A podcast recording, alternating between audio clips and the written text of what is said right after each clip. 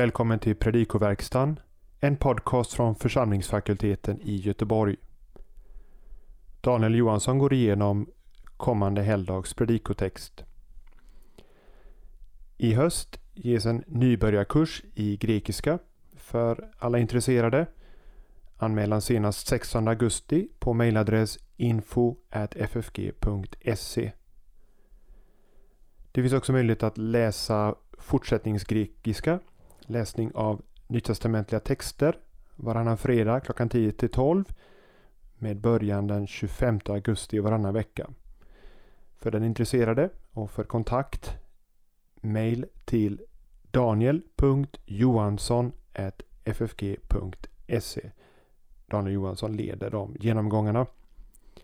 För information om detta gå in på www.ffg.se men nu Daniel Johanssons genomgång. God lyssning. Tredje årgångens evangelium för elfte söndagen efter trefaldighet kommer från Matteus 23, 1-12. Och vi börjar med att se lite närmare på den grekiska texten. Matteus inleder med att säga att Jesus adresserar både folket och sina lärjungar. Det är enda gången det uttryckligen står att det sker, även om man från kontexten förstår att den ena gruppen hör när den andra tilltalas. I till exempel liknelsekapitlet i Matteus 13. Notera dock att de båda grupperna inte är sammanförda grammatiskt eftersom bestämd artikel står framför båda substantiven. Hade det istället stått ”elalesentois ochlos kasmafetais auto hade de förts närmare samman som en enhet. Uttrycket tes moseos cathedras i vers 2 är inte så svårt att översätta. Mosestol betyder det. Men frågan är vad som åsyftas. För det första avsågs kanske en bokstavlig stol som stod i synagogan. Var det för det andra en metafor för att undervisa i Mose tradition? Var det för det tredje möjligen ett skåp i vilken lagens bokrulla låg? Eller för det fjärde något annat objekt som är okänt för oss? I väntan på att arkeologin lär oss mer om synagogan under det första århundradet eller någon annan upptäckt görs kan vi nog inte få ett definitivt svar på den frågan. Men en antydan om riktningen kommer strax. Verbformen ekathisan, aurist, är lite förvånade. Satte sig betyder ju det. Man hade förväntat sig en perfekt som uttryckt att de satt sig ner och sitter. De svenska översättningarna översätter som om det vore en perfekt i likhet med de flesta andra översättningar. Översättningen av vers 3 tenderar att påverkas av hur man förstår helheten. Både Bibel 2000 och Folkbibeln översätter ej på sin, som betyder de säger, med de lär. Översättningen förutsätter att de Lärda lär rätt men att de inte lever som de lär. Det gör även den avslutande satsen i Bibel 2000s översättning, Legosingar kai o pojosin, blir för de säger ett och gör ett annat. Ordagrant står det För de säger men gör inte. Konjunktionen kai måste här vara adversativ. Vi bör lägga märke till hur starkt det betonas att det är frågan om allt som dessa säger. Panta on, hossa i an är svårt att helt återge på svenska, men ungefär så här. Allt så mycket som. Det betonas verkligen att det är fråga om allt. Vi går till vers 4. Dativen to dactyloauton med deras finger kan förstås på två sätt. Dels att de religiösa ledarna är ovilliga att hjälpa dem som de tyngt med bördor och dels att de själva inte är villiga att bära dessa bördor. Infinitiven kinesai har grundbetydelsen flytta och så översätter folkbibeln. Den är öppen för båda tolkningarna ovan och skulle också kunna innebära att man lyfter av bördan. Bibel 2000 är översatt med rätta till vilket begränsar betydelsen till att bördan ligger kvar men kan rättas till så att den ligger lite bättre. I vers 5 så möter vi satsen pros to theathenai tois anthropois. Den kan översättas på två sätt beroende på hur man tar dativen tois anthropois. Tar man dativen som agent blir det för att ses av människorna. De svenska översättningarna tycks ta satsen på det sättet men gör sedan om den så att människorna blir subjekt i översättningen. Men eh, denna typ av konstruktion med agenten i dativ är ytterst ovanlig. Bättre är därför att ta theathenai, som ju är aurist infinitiv passivum, i betydelsen visa sig. Och I så fall översätter vi för att visa sig inför människorna. Frågan här är också om pros to theathenai uttrycker syfte eller resultat. I det första fallet ska vi översätta för att visa sig för människorna, i det senare så att de visar sig för människorna. Det finns en nära parallell i 6.1 och den talar för att det är fråga om syfte också här. Filakterion motsvarar det rabbinska begreppet till filin. Det avser små kapslar eller lådor av läder i vilka det låg bibelversar och som knöts fast på armen eller i pannan. De är omnämnda i Andra Mosebok 13.9, Femte Mosebok 6.6 och 11.18. Kraspedon avser hörntofsen eller manteltofsen. Den omnämns i Fjärde Mosebok 15.39. Jesus själv använde sådana enligt Matteus 9.20 och 14.36. På Jesu tid diskuterade de rabbinska skolorna Shammai och Hillel hur långa dessa skulle vara och den förra skolan, Shammai, föredrog längre än den senare. Notera sedan att verbet filosin i, som inleder vers 6 inte har mindre än fyra olika objekt i vers 6 till 7. Eh, först eh, ten protoklisian och sedan tas protokathedrias tos aspasmos och till slut kaleistai. I vers 8 10 används ordföljden vid flera tillfällen för att uppnå betoning. Följande ord flyttas fram i satserna. Hymeis, heis och pantes i vers 8. Hymeis är ju för övrigt överflödigt. Och i vers 9 patera och heis. Och till slut Hokristos i vers 10. I detta, det sista fallet, så uppnås samma effekt genom att ordet placeras sist i satsen. Begreppen didaskalos och eh, kategetes i vers 8 respektive 10 kunde med fördel till svenska översättas lärare respektive instruktör. Här har man i de svenska översättningarna istället översatt mästare och sedan lärare. I vers 11 är Mateson komparativ. Men som så ofta har komparativen superlativisk betydelse och betyder då störst. Notera att två slag av genitiv förekommer i den här versen. Mateson hymon är en partitiv genitiv. Störst av er eller störst bland er. Medan hymon diakonos är en objektiv genitiv, tjänare åt er eller subjektiv genitiv, er tjänare. Futurformen i samma vers av estai eh, den måste ha imperativisk funktion, det vill säga fungera som ett positivt påbud i kontrast till förbuden i vers 8 10. Vi ska alltså inte översätta med eh, Vi ska översätta med skall vara och inte kommer att vara. Till sist vers 12. Eh, där står samtliga verb i futurum. Men eftersom båda satserna där fungerar som konditionala satser så får vi ta det första verbet i respektive sats med vanlig presens. Den som upphöjer sig och sen kommer futurum ska bli förödmjukad.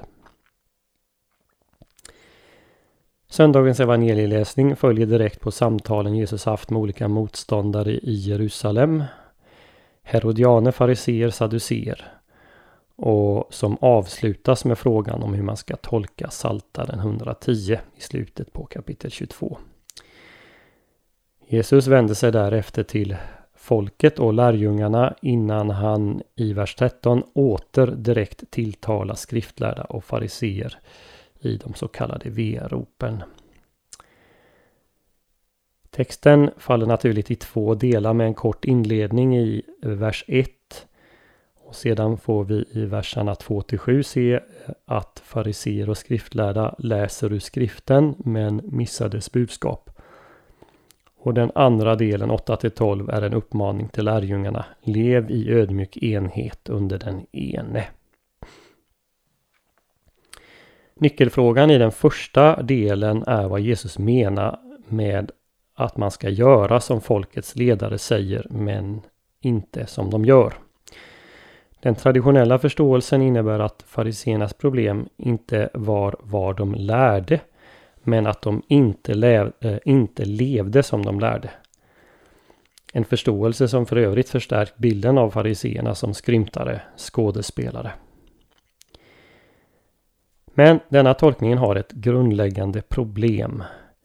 Den motsägs av stora delar av Matteus evangeliet. Det är just fariseernas undervisning som är problem på ställen som 12.1-8 8, 12, 9-14, 15 1-20, 16, 5-12. Och problemet är också att deras undervisning leder människor till att förkasta Jesus som i 12 22-37 och 22-34-46. Om du inte fick ner de här bibelställena så finns de i pdfen till den här podden på FFGs hemsida. Hur kan då nu Jesus säga att man i allt, och det är ju betonat som vi såg, ska följa och göra efter deras undervisning. Motsäger Jesus sig själv här? Och vidare ska vi notera att Matteus avslutar hela evangeliet med Jesu ord om att man ska hålla allt, panta hossa, det är samma kombination av ord som i 23.3. Allt som han har befallt. Samma verb, terain, bevara, används för övrigt på båda ställena. Ja, lösningen på denna motsägelse det är att eiposin och legosin i 23.3 inte betyder undervisa utan tala från Moses stol i meningen föreläsa skriften. Vi måste här komma ihåg att femte Mosebok 31 9-13 föreskriver att lagen ska läsas upp för folket av präster och leviter. Något som sedan reflekteras i Nehemja 8-11. Det är osäkert vilka som avses med de skriftlärda evangelierna, men fariseerna var i varje fall lekmän. Det här kan förklara aoristen satte sig i 13.2. Fariseerna satte sig på den stol, bokstavlig eller metaforisk, från vilken präster och leviter skulle föreläsa lagen. Vi måste också komma ihåg att läsförmågan vid den här tiden var väldigt låg. Flertalet i folket kunde bara höra Guds ord när det förelästes i synagogan. Att säga att man talar från Moses stol torde alltså avse uppläsandet av lagen och profeterna. Vad sedan fariseerna gör det innefattar både vad de gör i sin undervisning, utläggningen av lagen och hur de sedan tillämpar den i sina egna liv. Taergauton deras gärningar avser alltså både undervisningen, den är ju en, den är ju en gärning, och livsföringen. Vad är då problemet med fariseernas undervisning och liv? Förutom att den inte pekade på Jesus som Messias så innebär deras tolkning av lagen för mycket lag skulle man kunna säga. De byggde ett staket av förordningar runt lagen för att man inte skulle bryta lagens bud. Och de tillämpade också lagar som bara gällde Levi söner på hela folket.